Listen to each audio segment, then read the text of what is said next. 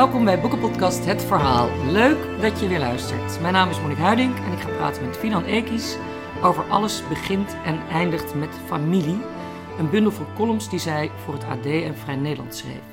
Fidan Ekis is journalist en documentairemaker en ze is de presentator van het tv-programma De Nieuwe Maan. Welkom, Fidan. Dankjewel. Leuk dat je er bent. Ehm, de titel. Alles begint en eindigt met familie. Is, is familie het allerbelangrijkst? Voor jou? Ja, ik denk het wel. Ja? Ja. Is dat ook Turks?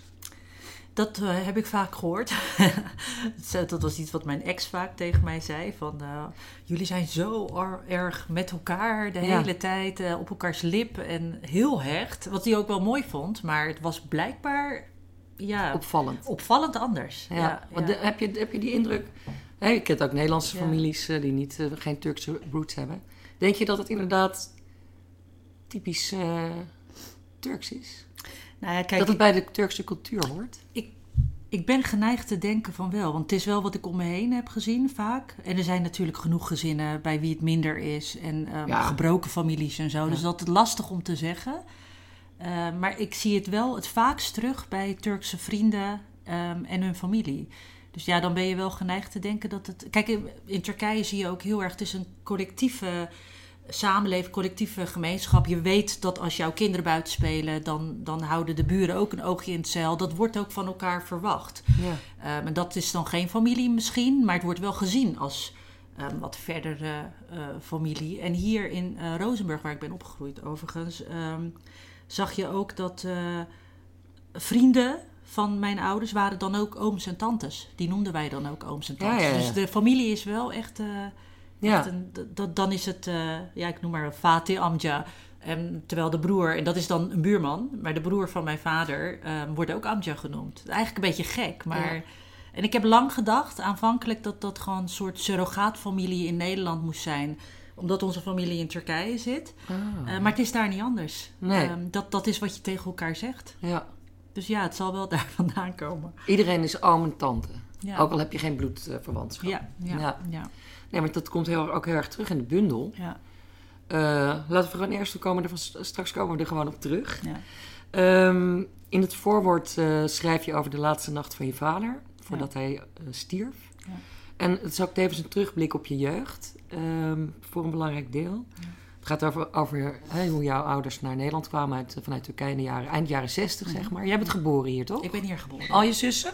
Allemaal. Ja. Drie, mijn twee zussen en mijn broertje. Oh, je hebt ook een broer. Oh, ik had de ja. indruk dat je alleen zus had.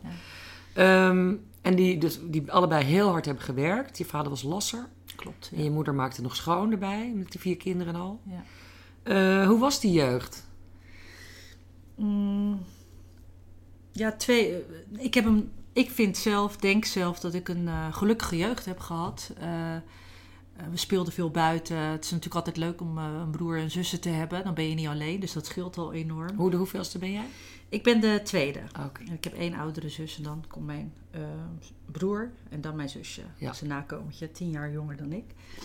En ik, ik denk dat veel dingen voor mezelf, voor mij op een, ehm, op hun plek zijn gevallen toen ik wat ouder werd. En natuurlijk interviews ging doen voor de documentaires die ik heb gemaakt en de boeken die ik heb geschreven. Of, of de columns die ik schrijf.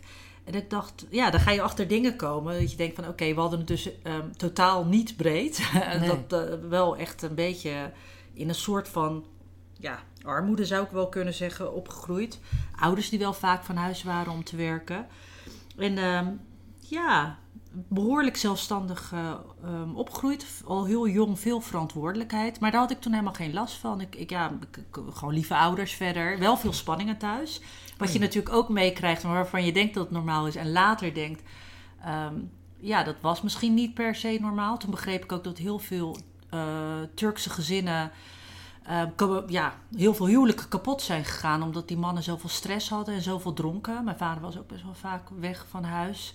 Ehm, en dat was Veel wel- alcoholisme ook? veel, ja. Oh. Echt eh, heel opvallend. Ik dacht altijd, nou, mijn vader misschien en een vriend van hem. En eh, ja, dat zal wel eh, te maken hebben met, ik noem maar wat, heimwee. Of dat, dat mijn vader die druk voelde vanuit Turkije dat hij rijk moest worden in Nederland. En toen ging ik moest meerdere moest jouw mannen vader spreken. ook geld naar Turkije sturen, naar de familie? Ja, Ja, hij had het, bij hem was het iets minder zwaar. Ik hoorde van andere kennissen van ons, ooms en tantes dus, dat, Ja. dat, dat die daar echt eh, bijna onder leden. Die moesten Ja. echt bijna, het hele inkomen ging dan naar Turkije. Dat had mijn vader minder. Maar ja, dat, dat had een grote familie daar en die hadden het niet breed. Dus Ja. hij probeerde zoveel mogelijk ehm, te sturen. Ja, je bent, kijk, in je ogen is je vader gewoon een oudere, volwassen man. En als ik nu terugkijk, denk ik, was het natuurlijk gewoon een jonge vent. En eh, met, met al een gezin en een vrouw die ook hè, behaagd wil worden en Ja. eh, al die dingen. Mijn moeder was ook best een diva, toen al. En eh, ja, die wist ook niet wat ze moest hier. Een beetje onthand, ver Ja. van familie. Dus... En ook geen Nederlands spreken natuurlijk. En geen Nederlands spreken. Heel erg die man nodig ook natuurlijk. Ja. Want die spraken wat beter Nederlands, omdat ze Nederlandse collega's hadden. Oh, ja.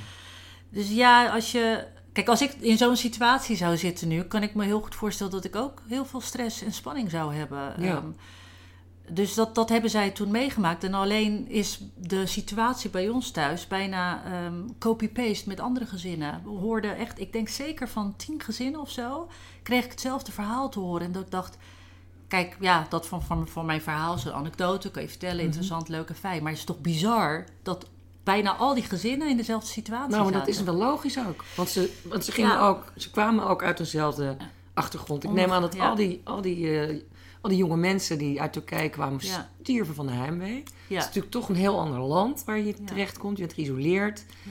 Wat zo belangrijk voor jou is, namelijk familie, die zijn er niet. Ja, Die klopt. zitten in, in, in en Turkije. statusverlies hè, bij eh, de mannen. Die, eh, ja, dat schreef je, maar dat ja. begrijp ik niet zo. Nou ja, zij eh, ehm, spraken in Turkije natuurlijk gewoon de taal, hadden een netwerk, mensen die ze kennen. Ja, oh zo, en ja. overal hè, ehm, makkelijker om ergens werk te vinden.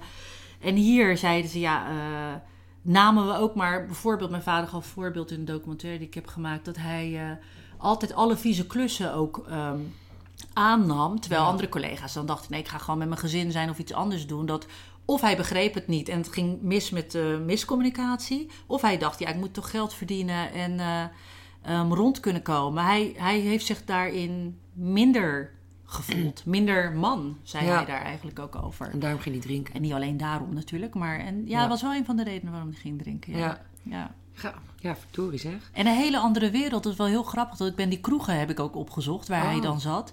Dan hoor je verhalen van mensen die daar dan ook met hem in die kroeg zaten. En dan denk ik, oh, ja, het is alsof je naar een film kijkt. Want dat, dat gebeurde hier dus. Dat hij daar dan zo ja, eenzaam en verdrietig achter de bar zat. Of dat er soms gewoon gingen ze kaarten of dansen. En ik dacht, wat bizar. Zaten Maar waren dat ook Tur- andere hier? Turkse jong- jongens, Ja. mannen? Ja, heel veel eh, andere Turkse mannen. Ja, die vrouwen vonden het geweldig. Knappe mannen, zeiden ze. Dus ja, dat ging natuurlijk ook allemaal gewoon... eh, Ja. lekker vreemd. en eh, ja, vooral, ja, en natuurlijk niet alleen Turkse mannen, maar die kwamen daar dan eh, samen. ja. Om Los van eh met z'n- God. met z'n allen. Ja, precies, ja. Ja. Ehm, je schrijft ook over eh, dat er heel veel sociale controle. Dat, dat slaat ook weer Ja. we het net al hoe we begonnen over die familie. ja, En tantes en ooms en iedereen is eigenlijk, moet eigenlijk op je letten. Maar dat is ook heel beklemmend natuurlijk. Ja, klopt. Ja, hoe gingen jouw ouders daarmee om? Want het, ze komen op mij over alsof ze toch wel heel geëmancipeerd eigenlijk... eh, Geworden uiteindelijk. Ja. Mijn vader vooral. Mijn moeder was wel vrij ehm, vrij. Ehm, zoals ze dat ook vertelt over haar jeugd. Gewoon korte rokjes naar de bioscoop. Dat was al heel wat in die tijd op, op die plek ook waar zij is opgegroeid. Eh, mijn vader was wat conservatiever. En ehm, ja, de situatie was wel dat als je getrouwd was, dat je als vrouw, moeder, ook wel een beetje aanpast aan hè, hoe je man het wil en hoe de omgeving het wil. Het was een kleine gemeenschap, een minderheid. Ehm, en mijn moeder heeft wel vaak gezegd: ik, ik heb me hier vaak onvrijer gevoeld. En het idee gehad dat het traditioneler en conservatiever was dan de omgeving waar ik ben opgegroeid in eh, Turkije. ja. En totdat zij zich een beetje losmaakte van wat de omgeving vond en wat mijn vader vond, is zij daar wel in meegegaan. Ik kan me wel herinneren mijn moeder vaak loog tegen zo'n beetje mijn vader. En eh, die was dan s'nachts aan het werk. En eh, andere ouders, dan bleven mijn vriendinnen bij mij slapen. En dan gingen we uit, gingen we naar Nighttown of zo in Rotterdam. Oh. En dan, ehm, ja, dekte zij dat toe. Dus dat heeft ze... Het zat er wel altijd in, maar ze kon niet helemaal vrij zijn. En ik heb daar nou, achteraf... Ik kreeg er last van vanaf het moment dat ik zag dat vriendinnen vriendjes kregen, gingen drinken. En eh, nou ja, seksueel al hè, eh, eh, actief werden. En, en dat ik dacht van, eh, ja, dat kan ik allemaal niet. Dat, Nee. eh, het mocht gewoon niet. Was, Maar, eh, maar het no mocht way. niet per se niet van je moeder dus. Nou, die, die was vrij voor haar, eh, in vergelijking met haar omgeving. Ja. Maar het was niet eh, dat ze zei... eh, Ga er maar lekker op Ga er los. maar lekker op los. Zij, zij wist dan bijvoorbeeld wel als ik een vriendje had, want die had ik natuurlijk wel. Ja. Alleen daar moest je niet mee rondlopen in Rozenburg. Of hand in hand. En dan zei zij, hè, kijk, echt vrij zou zijn, zou natuurlijk ook ergens zijn. Eh, doe wat je wil, trek je nergens wat van aan. Mijn moeder zei wel: zorg ervoor dat je niet daar en daar hand in hand loopt, want eh, dan wordt er gekletst. Ja. Maar ja, goed, dat begrijp ik heel goed. Ze kon gewoon niet meer, dat, want dan was het één tegen de rest. Ja. Ehm, dat is natuurlijk niet makkelijk. Maar, Nee. maar mijn vader is uiteindelijk... Mijn moeder was echt een geweldige debater eigenlijk. Die, die kan geweldig goed praten. En die heeft zoveel op mijn vader ingepraat altijd. En wij deden dat ook met mijn zussen. Gewoon eh, uitleggen. En eh, ja, als je de Turkse vereniging in- inloopt en ze beginnen te praten over ons... zou je eigenlijk moeten zeggen van... eh, het zijn mijn dochters, waar bemoei je je mee? ja. Beetje bij beetje bij beetje hebben we die muur een beetje... Geslecht. Ja, ja. En nog nooit helemaal all the way hoor. Nee. Hij had er moeite mee toen ik ging studeren. Ook en toen ik op mezelf ging. Alles vergde ja, toch wel een discussiestrijd. Ja. En uiteindelijk lukt het. En ja, ik weet, mijn zusje is tien jaar jonger. Nou, die heeft alle vrijheid gekregen. En die, die, die is echt een beetje op een... eh, hoe noem je dat? Eh, De paden waren gebaand. ja, de Door waren gebaand. Dat is hem, Ja. Ze hoeft alleen maar het achtervolgen. Ja, Ja, dat ja, beseft ze niet altijd helemaal. dat zeggen we ook wel Maar wat ik wel interessant vind, is wat je vertelt, dat, eh, wat je moeder dan ervaren heeft, dat mensen hier in Nederland, de Turkse gemeenschap, conservatiever is, was. Ja. Dat zie je heel vaak met, met emigratieculturen. Weet je wel, Nederlanders in. Amerika bijvoorbeeld, Ja, in het plaatsje dat notabene geloof ik Holland heet. ja Die zijn, nou dat herken je gewoon niet. Dat is gewoon de jaren 30 of zo, 20, eh, als je dat met Nederland. Die koesteren die cultuur veel heviger en zijn daar veel strenger in. Met- Misschien gewoon uit ontworteling of zo. Wat denk je? Ja, het is aan de ene kant inderdaad ehm, praktisch gewoon. Wij spreken met elkaar de taal, dus Ja. laten we vooral hè, bij elkaar blijven, dan kunnen we elkaar Nee, maar ik helpen. bedoel dat conservatieve. Ehm, en, en naast dat praktische, ehm, want dat heeft ook wel een reden trouwens, dat als je om de taal bij elkaar blijft, is die sociale controle groter. Ga je Ja. elkaar meer in de gaten houden en conservatieve ideeën overnemen. Dus het staat niet helemaal los van elkaar, maar ehm, heel erg bang om de cultuur te verliezen. En bij die cultuur komt gewoon heel erg eh, het geloof. En, Ja. en die sociaal, alles werd een beetje op één hoop gegooid. Alles had heel snel met de islam te maken. En vergeet niet dat je eh, ehm, ja, eh, een islamitische achtergrond hebt. eh, dus die sociale controle en bepaalde dingen die niet mochten. Nou, het had echt voor, ja, vooral nu weet ik dat zeker. Had echt niet per se wat met het geloof te maken. Maar het werd gewoon allemaal op één hoop gegooid. Werd dat ook als excuus gebruikt? Gewoon als je een discussie had, nee, ik mag niet van, van Oh islam. ja, ja. Nou ja, ik weet niet of zij het dan zozeer als excuus gebruikte. Maar dat, dat, dat zo er, ervoer ik Als het het wel. machtswoord, zeg maar. Ja, Ja. machtswoord. Dan, dan, dan hield alles op. Dat hoeft Ja. hij ook niet uit te leggen. Als je zei, ja, waarom dan niet? Ja, omdat het niet hoort. Ja, hoe hoort het dan niet? Ja, dat hoort niet bij een meisje eh, met, met een eh, islamitische achtergrond. En dan dacht ik, ja, maar mijn nichtjes in Turkije, die, eh, nou, die hebben twee brieven, die vonden ons ontzettend preuts. Die vonden ons, ons ontzettend ouderwets. Eh, elke zomer dacht ik, nou, mijn vader werd ook vrijer. Dan, dan mocht je je ineens veel bloter kleden. Daar werd ook op gelet, hè? Niet te Ja. korte rokjes en al die dingen. En dan ik dacht, dit is toch bizar. Maar het was daar gewoon minder benauwend, minder klein. En niet iedereen, ik bedoel, je directe omgeving, hè, wat ik net uitlegde, die collectiviteit, die, die had je wel. Maar iedereen was zo bezig met dat zware leven en overleven, dat ze, ja... Ik dacht altijd, in Roosburg hadden ze gewoon te veel tijd om elkaar in de gaten te Oh, wat houden. een goeie. En niet loslaten. We zitten in het Westen. De kinderen mogen niet eh, verwesterd raken, want dan komen ze op het slechte pad en dan verliezen we ze. En vooral de meisjes. Dus er is ook echt een duidelijk angstbeeld voor de westerse samenleving geweest. ja, Of nog steeds misschien. nou, die is er nog wel. Ja. Ja. ik, ik denk wat, zelfs is er zo, wat is er dan zo beangstigend aan? Aan de West, aan Nederlandse... Vrijheid. eh, en vrijheid in eh, de ogen van die... Niet iedereen is natuurlijk zo, maar in, die, in de ogen van die conservatieve ouders... ehm, losbandigheid, vooral als het om meisjes, hè? het gaat vooral om meisjes. Ja. Losbandigheid, ehm, ge- normen en waarden die anders zouden zijn. Ehm, kijk, ik hoorde bijvoorbeeld wel eens dingen als... het is belangrijk om met een Turkse man te trouwen of met een moslim te trouwen. Eh, want hij zal zijn vrouw beschermen. ehm, ehm, haar kuisheid beschermen, zo zeg je dat dan, geloof ik.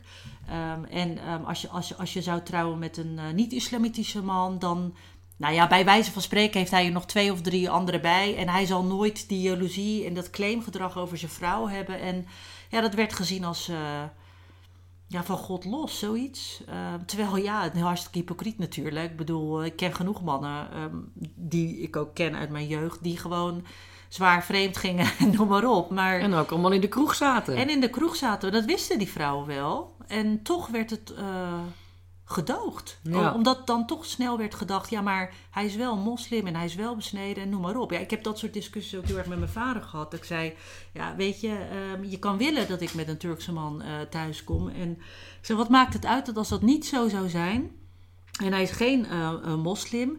ehm, is het dan minder erg dat die westerse man en, en die niet waarschijnlijk religieuze man ehm, ehm, drinkt en die ander ook drinkt? En de een, eh, weet ik veel, die gokt en de ander gokt ook.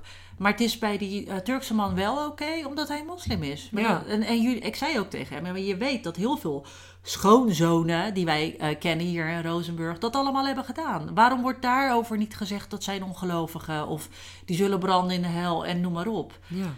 Nou ja, dat waren echt wel gesprekken die... Fascinerend. eh, ja, wat los hebben gehad. Ja, het is, het is fascinerend. Je Ook kan maar je niet geloven je dat zelfs ook- intelligente ja. mensen dit denken. Nee, maar dat ko- komt denk ik ook omdat dat, wat we net zeiden, de islam is dan, heeft het laatste woord, weet je wel. Je, Ja. Als je dit, je mag gewoon, waarom mag ik dat niet? Omdat het in de Koran is, of weet je wel. Ja.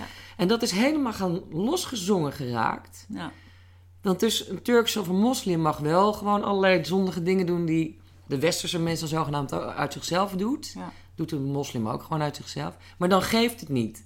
Dus dat is, dat is zo gek. ja. Dat is echt zo Dat is raar. onbegrijpelijk. Maar Ja. dat is echt om. Ik denk bijna, ben ik op een gegeven moment zelfs gaan denken. Want ik heb ook Koranlessen zelf gevolgd. Dat, dat deden kinderen gewoon. Vooral ehm, in die periode dat ik opgroeide. Had ook te maken met, oh kijk uit. Dat we dat geloof en cultuur en alles niet eh, wel meegeven aan onze kinderen. Ja, En dat ik dacht, eh, dit is bijna, ehm, ja, dat zullen mensen zeggen, dat is geloof sowieso, maar gewoon echt bijgeloof. Dat, dat had, bijgeloof en geloof liepen heel erg, gingen echt hand in hand. geef eens Als een je- voorbeeld. nou, bijvoorbeeld dat als je na ehm, ehm, seks met je man, vrouw, ehm, niet, er is een bepaalde douche met, die je dan moet nemen met spreuken en dingen, dat als je dat niet doet, dat dan alles mis zal gaan. Ehm, eh, Een douche als in onder de douche. ja, wel echt onder de douche, maar wel met een soort reiniging wat je doet, zeg maar, wat je bij het bidden bijvoorbeeld ook doet. Maar ik weet niet of je dat kent, maar in je gezicht, eh, in je nek, Oh, over je hoofd, al die dingen. Een, En dan hoort een bepaalde spreuk. Ja, het is eigenlijk een wasritueel, Ja. inderdaad. Dan gaat eh, dat en dat mis. Of Een bezwering. ja, Bezweringen. Ja, eigenlijk wel. Oh, en er zijn wel meer van, ja, nou, er zijn wel meer van die dingen dat ik vaak dacht van, en, en dan zei ik van, ehm, ging vaak met, dat zal ongeluk brengen. En dan dacht ik, ja, niet eens naar de helft zo, hè, maar het zal ongeluk brengen in het leven. En dan zei ik van, ja, waarom dan? Nou ja, omdat dat, eh, ehm, dat, dat, dat, dat hoort bij onze cultuur of dat hoort bij, onze, bij ons geloof. En vaak hebben die mensen, ja precies, ze hebben de Koran helemaal niet gelezen, hebben geen idee. Die geven dat gewoon aan elkaar door. En Ja. dan gelooft men dat gewoon. Ja. Heeft ook met voodoo en zo te maken. Want dat zit ook een beetje in die gemeenschap. Dat is een heel ander verhaal. Maar dat zou ook vaak gaan met... Gaat samen met de Koran en al die dingen. En eh, ja, mijn ouders geloofden daar wel Nou in, ja, het is gewoon een geloof in hogere machten. En dat je die op een Ja. of andere manier, door, daar kun je mee communiceren. Door bepaalde rituelen uit te voeren. Of, dat zit in elk geloof. Ja, ik, overal eh, zit dat. Maar hè, iedereen heeft natuurlijk dan zo zijn eigen Ja, maar... ehm, dingen. Ja, maar het is niet zo dat iedereen die gelooft... ook per se daarin gelooft, toch? Het zit er wel in. Het, het, het- Nee, tuurlijk. Maar mensen doen ook aan cherrypicking. ja, oh, dat dan doen we waar, dat, dan ja. doen we dat. Want, hè, want, oh. Of als je er een keer tegen zit, dan denk je... Wacht, nu moet ik even dit ritueel doen. Ja, ja, Want dan ja. komt het wel weer goed. Ook om jezelf hoop te geven, denk ik altijd maar. Nou, weet je, ik zou je zeggen. Dat is wel heel grappig. Dat ik sommige dingen echt nog wel in mijn hoofd heb. Dat ik echt nog wel denk van, nou, dit en dat gaat mis. Dat zal wel daar en daar komen. Ja, Ik sprak laatst iemand, zijn zoon van een dominee. Die zei, heb jij ook altijd dat je dat vingertje van bovenaf nog hebt? Dat, ja, ook al praktiseer je niet, doe je niet. ehm, dat dat blijft. En toen dacht ik, ja, ja ik kan dat niet ontkennen. Dat, nee. dat, dat gaat nooit helemaal nee, maar weg. dat is gewoon... Dat heb je veel te jong ge- aangeleerd. Dat leer je geïndoctrineerd gewoon. Ja, tuurlijk. Maar ja, ik moet wel zeggen dat wat waar mijn ouders, hoe zij het geloof beleden. En daarom zit ik altijd wel in een soort eh, spagaat of worsteling wat dat betreft. ehm, weet je, die doen geen vlieg kwaad en die bidden. En dat gaat allemaal op best wel spirituele manier verder. En uiteindelijk hebben zij ons ook die vrijheid en alles gegeven. En zo zijn er veel, zoals mijn ouders. Dat ik soms echt, ik altijd zeg, je moet de moslimgemeenschap niet als een homogene gemeenschap zien, want dat is gewoon niet zo. Dus hè, en dan gaat het over cultuurrelativisme en dat paternalistische gedoe en zo. En dan als klaag over links en noem maar op. En aan de andere kant denk ik, ik doe het zelf ergens ook. Dat wanneer ik dit bespreek, bijvoorbeeld met jou nu over um, het bijgeloof en uh, die sociale controle en al die restricties. Dat ik altijd denk, ik moet wel voorzichtig zijn dat het niet wordt. Um, uh, dat het niet stigmatiserend is voor die groep, omdat ik dat vaak hoor van ja, je problematiseert die groep. Dan denk ik dat dat, dat is toch ook zoiets geks eigenlijk. Dat is gewoon je, je, eigen ervaring, hallo. Dan ja, maar over praten. Nou, nou, daar hoor je ook heel snel over. Nou, dan heeft het alleen maar over de eigen ervaringen en denkt dat dat dan wetenschappelijk, uh, hè, dus is, je bent geen socioloog, geen deskundige. Nee, maar ik vind het gewoon grappig hoe dat werkt. I know better. Ik ben echt wel slim genoeg om te begrijpen dat ik dat natuurlijk niet doe. Ja. Maar dat moet ook een, een, een overblijfsel zijn van die indoctrinatie ergens, denk ik. Ja, maar ook nog steeds van dat gevoel van de familie. Kijk toe. Zeker. En je moet de familie, de eer van de familie nog niet worden ja. gekwetst. Want dat is het hoogste. Ja. Eigenlijk. Misschien is het nog wel hoger dan de, dan de Koran. Dan of de, dan, Koran, dan, dan de islam. Nou ja, dat... Uh, Alles begint en eindigt met familie. Dat staat hier op het boek. Dat is de titel. Ja, dat is waar. Ja, dat zit er dan nog steeds. Je bent misschien, toch misschien is Allah ook wel een oom. Ja, ik denk het wel. Maar hè, je bent het natuurlijk de hele tijd toch aan het beschermen ook. Ja, dat is wel waar. Ik moet zeggen dat dat soms ook wel moeilijk is. Maar ik, um, ik was laatst bij Joods, Joodse paasviering. Eh, voor het eerst overigens, bij een rabbijn thuis. En toen werd gevraagd aan alle gasten aan tafel... Uh, wanneer heb jij je uh, um, uh, vrijgevoeld? Wanneer voelde jij vrijheid? En toen dacht oh, ik, dat heb ik nu. Ja, vond ik ook een hele mooie vraag. En er kwamen ook hele mooie verhalen uit. En ik dacht, eigenlijk heb ik het gevoel, misschien echt nog niet eens zo lang, dat ik bevrijd ben in mijn hoofd van, nog niet helemaal dus, maar wel een soort van, van die indoctrinatie in die zin. Dat ik los kan laten, um, zelfs wat de familie um, ervan zou kunnen ah, denken. dat is natuurlijk toch de laatste stap. Dat was echt de laatste stap. Ja. Um, omdat ik denk, um, ook als jullie uh, dat kwetsend vinden, moeilijk vinden, beledigend vinden, wat niet snel gebeurt, want mijn familie staat wel echt achter mij. En mensen komen zoals naar mijn moeder in de supermarkt naar haar toe van, uh, weet jij wel wat jouw dochter allemaal zegt over moslims? dat ik zelfs in dat geval gewoon denk, nee, dit is belangrijk dat ik dit doe. En ja. um, dat andere meisjes uh, hè, wel vrij zijn vanaf het moment dat hun vriendinnen allemaal dat zijn. Dat daarvoor zou je het moeten doen. Misschien is het de druppel op een gloeiende plaat. Maar ik heb dat losgelaten. Geleidelijk aan wel hoor. Maar nu, ik heb echt gevoel dat ik er los van ben. En dat is echt een bevrijding. Ja. Moet je je voorstellen hoe moeilijk dat um, is geweest. Ja. Um, hoe bizar dat eigenlijk is. Ja. Want ja, zoals ik, kan me het heel goed voorstellen. Ja. Ik ben totaal anders opgevoed. Gewoon totale vrijheid. Ik mocht zelf doen wat ik wil. Ja. wilde. Maar ik kan me het heel goed voorstellen. Want ik heb natuurlijk ook wel kinderen tijdens dat ik opgroeide gezien die of heel erg christelijk waren. Weet je wel, op school. Of uh, ook uh, moslimkinderen, Turkse kinderen, Marokkaanse kinderen ja. of minder. Maar ja, je, je voelt gewoon die... Uh, ze mogen niks. Nee.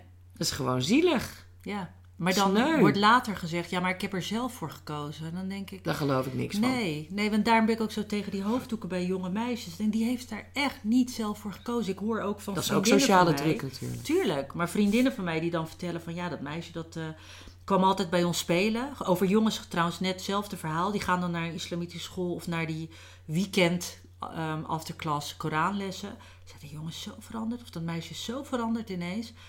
Ja, echt, dat breekt mijn hart. Ik vind dat echt, ik, ik word daar echt zo verdrietig van als ik dat hoor. Dan denk ik, dat is gewoon een leuk meisje en, en, en kan van alles. Um, um, is, speels. Is speels. Is kind. Het wordt ja. helemaal afgebroken. En dat ja. hebben die ouders misschien niet door. Ze zullen zeggen dat Welke het allemaal leeftijd liefde heb je het is. nu over?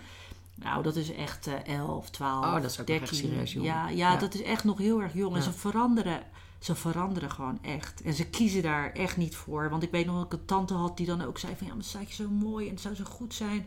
als jullie dochters hier zouden laten in Turkije... om uh, naar zo'n imam Hatib school te gaan, zo'n islamitische school. En stel je nou voor dat mijn ouders hadden gezegd... ja, dat gaan we doen. Nou, had ik nu ook echt niet beter geweten. Ik was te jong. Ik ja. weet nog dat ik zelfs dacht... oh, spannend in Turkije. Ik had ja. geen idee wat ik, wat ik dan Exotisch. zou gaan doen. Exotisch. Ja. Ik had geen idee gehad, dus... Maar, mijn leven, maar dat staat ook in het boek. Mijn leven had heel anders kunnen zijn. Ja, maar dat geldt voor iedereen. Ja, Als je ergens anders ja maar dit is terechtkomt. al wel een hele extreme Ja, eh, afslag die je dan eh, zou nemen. Dan eh, had ik hier niet gezeten. En, Nee. Ik, ja, ik weet het niet. Ik, ik koester ehm, heel erg ehm, en ben er heel dankbaar ook voor, voor de vrijheid die ik heb. Ja, En eh, ik maar kan, je, kunt, je kunt eh, het verschil ook... Je weet ook hoe het, hoe het ook anders kan. Hè, je, bent ook, Ja. eh, je had even goed... Je, je ziet het schrikbeeld van de onvrijheid ook. Ja, ja, Die je zelf ook deels gevoeld hebt. ja Waar je, dus je bent nu, hoe oud ben je? 40? 42. 42, op je 42ste heb je dat laatste treedje van de ladder pas bereikt. Ja, maar de, echt, Zo, ja. zo beklemmend kan het ook zijn. Terwijl je hele liefdevolle ouders volgens mij... eh, Ja, ik denk ergens ook, eh, ik had eh, die tijd nodig volgens mij om, om ze mee te krijgen. Al waren ze al wel langer mee, maar Ja. ik had het toch wat langer nodig. Misschien is dat geleidelijk aan samengegaan. En is het helemaal zijn- niet zo dapper geweest Zijn van me. jouw zus en je broer ook zoals jij? Ja, we, we zijn eigenlijk... Zaten jullie op één ehm, lijn? Ideologisch en alles eh, zitten we allemaal op één lijn. Ehm, ik denk alleen dat... eh, ja, ik ben er... Na mijn oudere zus misschien ook wel. Ik ben er misschien wat uitgesprokener Ja. over. En, eh, maar goed, dat is ook mijn vak. Maar mijn zus zegt wel eens... hij zit niet een beetje kort door de bocht. Of die leest dan wel eens de dingen die ik schrijf. En, en soms werkt dat heel goed. En soms denk ik, ja, nou ja, z- dit is hoe ik het zie. Ja. En eh, ik doe het gewoon. Maar wilde je altijd als... Wist je al heel jong dat je journalist wilde worden? Want je hebt journalistieke opleiding gedaan ook, hè? Ja, vrij jong al wel. Oh ja. Ik had eh, een boekje gevonden. Jaren later heb ik nog gebruikt voor een film die ik maakte. Waar ik 13 ben. En in dat schriftje speelden wij thuis dan het journaal en dat soort dingen na. Stond er Vidan is de journalist. en zus, mijn zus was dan André Hazes die dan in de reclames een liedje zong en zo. Blijkbaar zat het er onbewust toen al wel in. En geleidelijk aan, ja, ik werd fan van Oriana Fallaci en eh, ik wilde haar zijn. En zo is het een beetje. Het is wel een beetje gerom- geromantiseerd Ja. beeld dat ik had. Maar En- wat ik, wat ik heel leuk vind, want een journalist is een heel vrij beroep. Ja, je gaat alles uitzoeken, je gaat vragen stellen. ja. Iets wat, wat natuurlijk... Ik kan me voorstellen dat, dat je dat ook stimuleerde in je eigen emancipatiedrang. Of dat dat erbij hoorde. Misschien, eh, misschien is... Ja, ik heb er wel eens over nagedacht. Dat waarom nou net dat? Ja. Ehm, ehm, ik weet dat ik... Hè, Oriana Fallaci was een reden. Reizen. Reizen dacht ik altijd, dat gaat mij vrijmaken. Dan, dan kom ik hier uit Rozenburg. En dan Ja, kan ik... Kan ik ehm, sla je vleugels Ja, uit. sla je vleugels uit. Veel willen weten ehm, en heel nieuwsgierig altijd al geweest. Mijn moeder zei, je was wel altijd bezig met dagboeken bij te houden en reisverslagen als we dan naar Turkije gingen met, de, met het busje. Ehm, dus dat zat er altijd wel in. Ja, het zou heel onbewust dan hè, misschien eh, wel met elkaar te maken kunnen hebben. Dat het Ja. ook ehm, ja, mijn weg naar, ehm, of mijn bestemming naar vrijheid versnelde. Ja, Dat eh, kan goed zijn. ja. En dat heb ik eigenlijk nu nog. Echt altijd als ik iets schrijf waarvan ik denk, dit voel ik echt. Dit zou wat los kunnen maken. En, en misschien verandert het mensen wel van gedachten over bepaalde zaken. En maakt het ze wat eh, nou ja, minder conservatief of zo. Als Maar je hebt wel volgens mij echt een missie, toch? Ja, zo voelt het inmiddels wel, ja. Hoe zou je deze missie omschrijven? Diepe zucht. Je bent ook niet de enige. hè? Bijvoorbeeld eh, Jean Akkiol, die, Ja. is ook, eh, die zit ook een beetje op het spoor. Ja, ja gelukkig. Oemar weer op een heel andere, meer, meer wat luidruchtiger manier. Maar er, zijn wel, er is wel een hele generatie van schrijvende of journalisten of schrijvers nu... Ja, die, steeds zich, meer. die zich probeert los te maken Los van die maken. beklemming. Ja. Van die conservatieve Nee, ik ben zeker achtergrond. niet de enige. Misschien zelfs ook zeker niet de meest uitgesproken. Ehm, ik denk dat er af en toe wel een tandje bij mag zelfs. dat gebeurt misschien ooit nog wel. Maar wat is je missie? Mijn missie is... ehm, ja, eigenlijk alle voorbeelden die ik net zojuist ehm, gaf. Hoe zou je dat samenvatten? Ja, dat is toch... ehm, ik vind dat eh, we die hele verlichting hebben gemist. eh vind niet, dat is zo in Ja. de islam. Ehm, en ik zie allemaal jongeren om me heen die steeds religieuzer worden. Waarvan ik zou denken dat dat al lang moet veranderen. Dus ik, Ik eh, sta er ook versteld van. Versteld van, hè? Nou? Bizar. Dat het nou, heel, ik had gedacht, De klok is nou, teruggezet. Dat, ja. gaat, dat gaat vanzelf. nee, het Gaat is dat weer, verwatert dat een beetje. Nee. Maar het wordt juist heel st- streng en strenger en strenger. Nou ja, en dat moet veranderen. Ja. De emancipatie van die gemeenschap, van, die, eh, van de gelovigen, zeg maar. Eh, de- eh, Saskia Dekkers heeft een paar keer een reportage gemaakt... waarbij je ziet dat die jongeren in die collegezalen dan samenkomen... Hoe heet die rapper? Salaheddin. Die is op een gegeven moment van rapper naar heel soort van conservatieve eh, streng moslim geworden. En die spreken dan zalen toe. En dan zie je die jonge mensen. Er was één zo'n bijeenkomst in Gent, volgens mij. Dan vragen ze van, eh, waar, waarom kom je hier? En, en hè, wat is het wat je wil worden? Saladin vertelt dan hè, waarom hij zo streng gelovig is geworden. Terwijl hij ooit zegt, hij blode, rookte en al die, of dronk en al die dingen. Ja. En dan zijn ze dan helemaal geïnspireerd en ehm, nou, emotioneel ook. En een een van die meiden zegt dan op een gegeven moment: eh, ik, heb heel, ik verlang ernaar om een ware moslim te worden.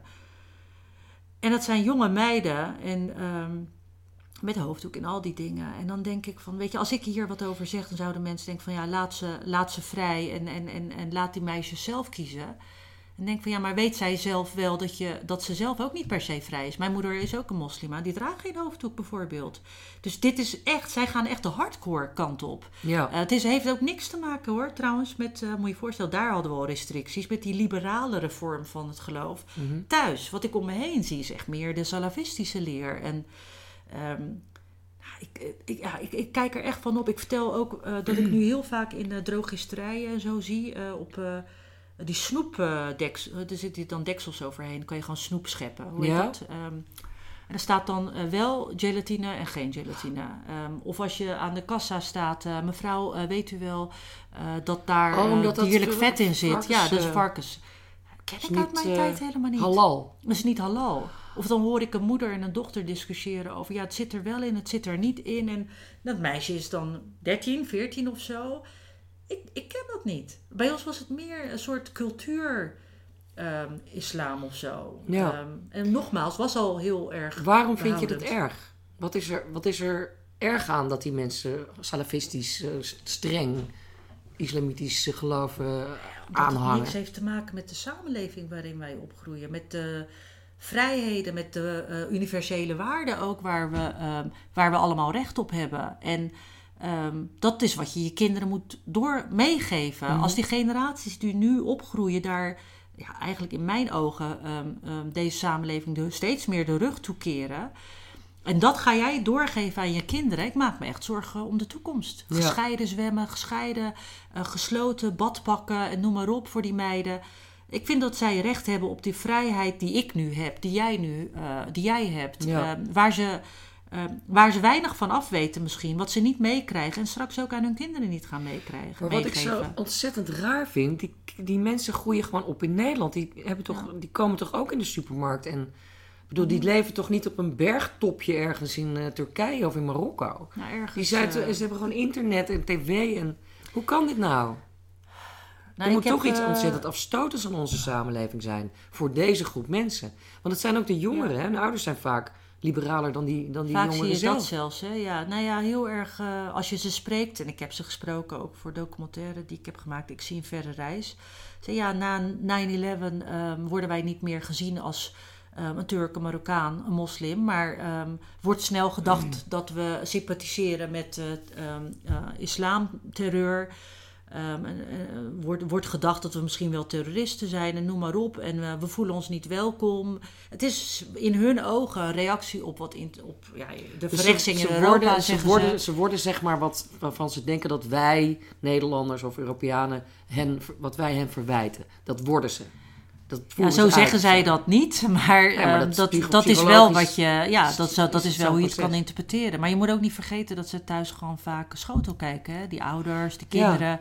Ze zitten heel erg in een bubbel, gaan ook met elkaar om en niet met alles wat daar buiten staat. Ik had een, een lerares VMBO in de klas, eh, in de uitzending bij de Nieuwe Maan.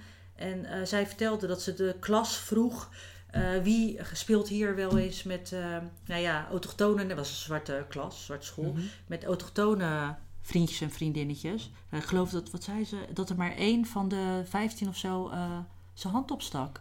En de rest ging alleen maar met elkaar om. Ja. Dus die komen helemaal niet bij elkaar over de vloer. Nee. Het zijn jij, van jij dat samen- in jouw jeugd trouwens wel? Dat je witte Ne- Nederland, Nederlandse Nou, echt had? meer. Veel Ja. meer. Want eh, wij hadden natuurlijk wel snel dat, dat je met elkaar optrok, omdat die gezinnen elkaar heel erg opzochten. Vanwege die taalbarrière, noem maar op. Maar dan nog. Maar het was veel gemengder dan nu, denk jij. Zeker. Ja. Annemieke, Sandra, het waren mijn beste vriendinnen. Nou, dat, dat zie ik nu veel minder hoor. Ja. En dat komt misschien van beide kanten uit wel. Dat, dat de een denkt, jij wil niet met mij. En jij het een beetje die wij-zij samenleving, de kloof die we nu hebben. Ja. Maar ja, weet je wat ik zo lastig vind? Dat Ehm, er wordt dan gezegd van ja, maar dan moet je beide kanten op aanspreken. En dan denk ik van ja, maar ik, ik, zit, ik sta in deze gemeenschap en, en dat is waar ik mijn stem kan laten gelden. Ja. Dus als mijn missie ergens, ehm, als ik dat ergens eh, zou moeten verwoorden, dan is het toch vooral iets doen binnen die gemeenschap. Omdat je die taal spreekt, of omdat je die mensen Ja. kent, of omdat ik die jongeren om me heen zie staan. En denk van ja, jongens, ik ben eigenlijk ervaringsdeskundige en laat mij meepraten. En ja, zie dat niet als een ehm, eh, belerende eh, toon die ik zou hebben, maar eh, use it vooral. En, en ik, ik, ik wil daar, ja, nou, zo'n hele lange weg te gaan, maar ik Ja. zou daar wel wat willen, willen veranderen. Wat ik ook altijd opvallend vind, is dat de moslimgemeenschap, Ja. dat is natuurlijk een totaal niet een, dat is een totaal heterogene Ja. club, weet je wel. Want er, is toch een, er moet toch een groot verschil zijn tussen Marokkaanse moslims, Nederlandse Marokkanen en Nederlands-Turkse moslims. Want die groepen horen toch helemaal niet bij elkaar? Of wel? Nou ja, Totaal eh, andere cultuur ook. Het is een andere cultuur, maar ehm, het, het valt natuurlijk wel onder de inter- internationale moslimgemeenschap dat eh, men hè, eh, Ja, dat snap ik wel. elkaars. Maar is dat niet, is dat niet een beetje maar qua cultuur zijn er onhandig om- verschillen. Ja, maar ik vind het ook als benadering vanuit zeg maar, Nederlandse Mhm. Takkant. Om dat op één hoop te gooien is volgens mij een, een verkeerde eh, aanvliegroute. Ben je dat met mij eens? Wie gooit het op één? hoop? Nee, dat het de moslims, weet je wel, dat zijn Tuurlijk. Turken, Marokkanen, dat zijn allerlei van mensen van allerlei herkomst. Ja, Dat is natuurlijk helemaal geen homogene groep. nee, is ook zo. Maar daarom zeg ik, ik maak me er zelf wel eens eh, schuldig aan, zonder dat ik dat door heb. Maar het is, het is onhandig. Ik weet ook niet hoe je dat anders moet aanpakken. Maar daarom begin ik in eerste instantie al bij die Turkse ja, gemeenschap. maar dat, dat vind ik ik dus zou veel niet weten slimmer. wat ik over die Marokkaanse gemeenschap Nee, moet zeggen. Die moeten hun eigen mensen hebben. ik, vind- ik vind ze daar vaak ook veel. Kijk, Turken hebben altijd, zijn altijd wat. Kijk, zeg ik dan weer Turken, maar hè, van, van, als we het hebben over de, zeg maar, de harde kern of zo, Ja, zijn vaak nationalistischer dan per se heel religieus. Dat begint te veranderen. Valt mij op dat als ze nu met vlaggen bijvoorbeeld de straat op gaan, dat je dan en Allahu Akbar roep, hoort en Turkije roep hoort. Ik dacht van, hé, dat was voorheen niet zo. Dat, dat, interessant. Maar in Turkije zie je natuurlijk ook dat MHP de nationalistische partij en de AK-partij van Erdogan nu optrekken. Maar goed, dat, dat heeft er allemaal een beetje mee te Ja. maken. Maar bij eh Marokkaanse gemeenschap heb ik altijd wel minder gehad dat ze nationalistisch zijn. Zij zijn ook minder gericht georiënteerd op het land van herkomst. Ja. Heel anders dan Turken. Eh, maar veel religieuzer bijvoorbeeld. Ja, ik, ik, ik ken die codes niet. Maar er zijn wel genoeg Marokkaanse jonge, jongeren die eh, ehm, ehm, hun stem laten. ja. Nee, je ziet ook in de, Horen. binnen de Marokkaanse journalisten met een Marokkaanse achtergrond. Ja, Die zijn ook, eh, die, die, hebben, die hebben dezelfde soort emancipatiedrang en ja. missie als jij, denk ik. Die, dat lijkt op elkaar. Alleen, Dat die, lijkt wel op die elkaar. moeten voor een eigen groep, omdat het een andere cultuur Maar daarom zei ik dat net. Ik, vind, ik denk dat dat een hele onhandige en onjuiste manier is om te zeggen... de moslims moeten zich, Ja, hè, die moeten zich emanciperen. Want je moet die groepen uit elkaar in. houden. Ja, heb je gelijk in. Omdat die groepen ook bij elkaar Ja. niet mengen. Of Ja. niet echt mixen. Nou, onbewust ehm, ehm, spreek ik eigenlijk altijd wel voor die Turkse gemeenschap vooral. Of focus ik me daarop. Ehm, maar dat, als je dat niet echt uitspreekt, dan snappen mensen dat niet per se, denk ik. Want als ik zeg dat wat ik heb gedaan na ehm, Charlie Hebdo. Ik zei van, ik, valt mij op dat die moslimgemeenschap zo ehm, stil is. En, en dat, dat, dat je- ik, ik had veel meer ja, verontwaardiging of dat mensen massaal de straat op zouden gaan. En ja. maar toen had ik het bijvoorbeeld wel. Had ik het niet alleen over die Turkse gemeenschap. Ehm, Maar ja, dat is dus helemaal Of je dat geen... moet doen of niet moet Dat doen. zijn gewoon het heel, ten eerste zijn er weet ik hoeveel ticht stromingen binnen de islam. Van Ja. super streng tot, tot liberalerig. Ja. En dan heb je nog eens een keer al die andere, al die culturen die helemaal niks met elkaar eh, te maken hebben. Ja, maar weet je, je kan het ook. Dat is ehm, echt een hele Het is een kromme gedachte, maar tegelijkertijd is het wel zo dat als er een aanslag wordt gepleegd onder de vlag van eh, de islam, worden wel al die moslims Ja. erop aangekeken. Nou ja, dat is ook het probleem. Eh, ja, dus en het probleem gaat op beide kanten gaat op. bij, ja, maar dat is toen dat ik weet nog bij de Wereldrijd door ook zei van ja, ik kan, ik kan het niet anders maken, maar dit is wel de situatie. Je zou je eerder kwaad moeten maken om die mensen die dat onder eh, eh, jouw Ja. religie eh, doen en niet op mij. Want men, men richtte zijn woede op mij omdat ik dat vroeg van die gemeenschap. Maar dat was juist meer van hallo, zijn jullie daar niet kwaad over? Want jouw religie, als jij Staat zegt in een kwaad daglicht. precies. Ja. Ja, ik, ik, ik, ik kan die. Misschien is het niet de juiste manier. Weet je, ik heb daar nou ook al heel lang gedacht van, ehm, wa- wat, wat, wat, wat, kan je nou verwachten? Nou, je zou in elk geval wel, daar ben ik wel achter, van moskeeën en islamitische organisaties kunnen verwachten dat ze wat verder gaan dan alleen veroordelen eh, via een persbericht. Of eh, toch met, eh, niet met dubbele signalen komen, zoals die ene bestuurder van... eh, Islamitische Stichting, eh, Onderwijs Islamitische Stichting, ik haal op de volgorde door elkaar, die eh, zijn sympathie voor IS op Facebook laat horen. Weet je, dus dan denk ik van de ene moment is het dit, de andere moment is het weer iets anders. Ehm, er zouden, er zouden wat mensen, wat meer intellectuelen misschien, of wat meer mensen met meer gezag moeten opstaan uit die gemeenschap die zich vaker laten horen. Want je kan inderdaad niet van de gewone moslim steeds vragen. Ik weet dat iemand tegen mij zei: Ja, wat, wat verwacht je dan dat ik doe? Aanklop bij eh, de VARA om, eh, en om vijf minuten zendtijd vragen en dan Ja. excuses aanbiedt of zo. Dus je, je moet er wel reëel in zijn. Maar je Maar kunt ook geen woordvoerder van de moslimgemeenschap. Precies, Omdat nou ja. het gewoon veel te gedifferentieerd ja, is. ja, en dat is Dus het echt is een groot gewoon probleem. geen- Het is niet een duidelijke club.